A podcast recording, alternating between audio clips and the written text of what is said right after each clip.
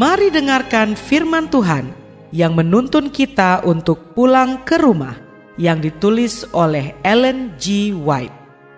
Melalui renungan pagi ini, kita akan belajar untuk berani menghadapi masa depan karena kita tidak lupa pimpinan Tuhan di masa yang lalu. Bersama Pendeta Andre Daimbani, selamat mendengarkan. Shalom, selamat pagi saudaraku. Renungan pagi kita hari ini 12 Mei berjudul Apa yang perlu kita pelajari mengenai doa. Ayat intinya diambil dari Yohanes 4 ayat 46. Demikian firman Tuhan. Dan di Kapernaum ada seorang pegawai istana, anaknya sedang sakit. Mari kita dengarkan penjelasannya. Ia, juru selamat, tahu juga bahwa Bapa itu telah mengadakan syarat-syarat dalam pikirannya mengenai imannya pada Yesus. Kecuali permohonannya itu dikabulkan, ia tidak akan mau menerima dia sebagai Mesias. Namun demikian, bangsawan itu mempunyai sedikit iman, sebab ia telah datang untuk memohonkan apa yang baginya merupakan yang terindah dari segala berkat. Yesus mempunyai karunia yang lebih besar untuk dianugerahkannya. Ia ingin bukan saja menyembuhkan anak itu, tetapi juga mengusahakan agar pembesar itu dan seluruh rumah tangganya turut menikmati berkat-berkat keselamatan, serta menyalakan sebuah terang di Kapernaum yang tidak lama lagi akan menjadi ladang pekerjaannya. Bangsawan itu rindu hendak mengenal Kristus lebih jauh. Belakangan, waktu ia mendengar pengajarannya, ia dan seluruh keluarganya menjadi murid-muridnya. Kesukaran mereka itu telah disucikan menjadi pertobatan seluruh keluarga itu. Berita tentang mujizat itu pun tersiarlah. Dan Kapernaum, di mana begitu banyak perbuatan ajaib besar yang dilakukannya, tersedialah jalan bagi pekerjaan Kristus secara pribadi.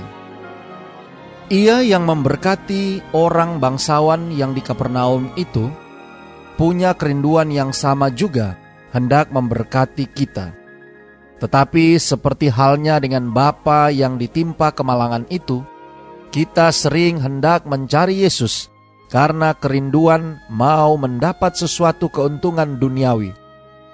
Dan atas dikabulkannya permohonan kita itulah kita menaruh keyakinan kita pada kasihnya. Juru selamat rindu hendak mengaruniakan kepada kita sesuatu berkat yang lebih besar daripada yang kita minta.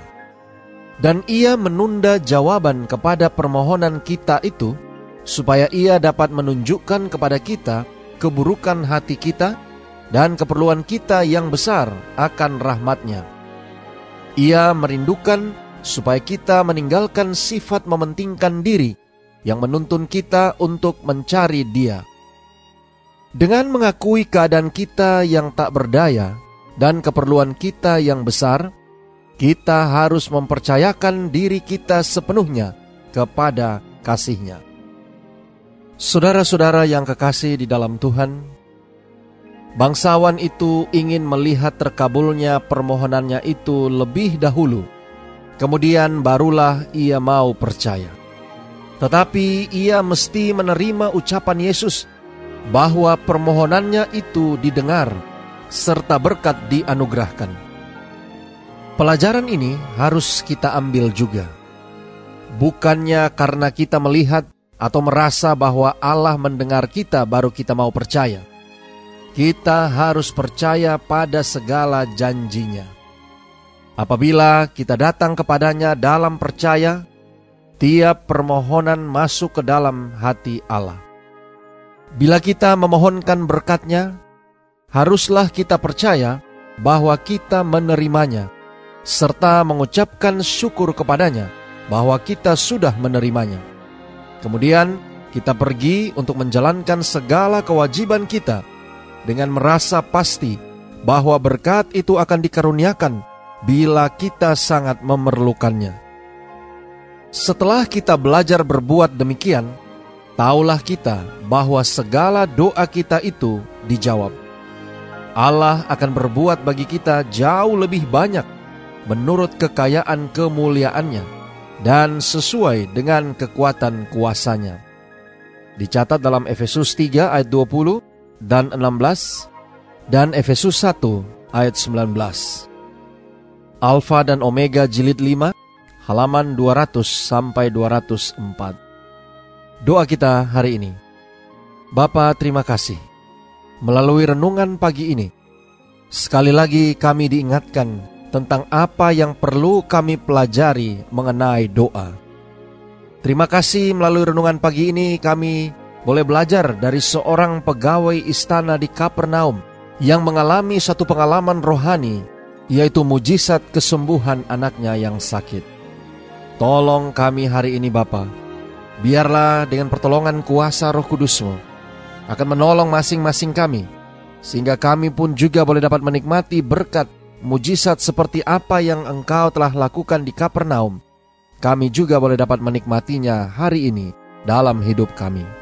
Terima kasih Bapak. Inilah doa dan permohonan kami kepadamu.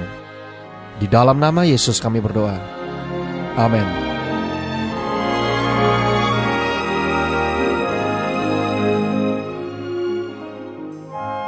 Demikianlah tadi pembahasan tentang pulang ke rumah.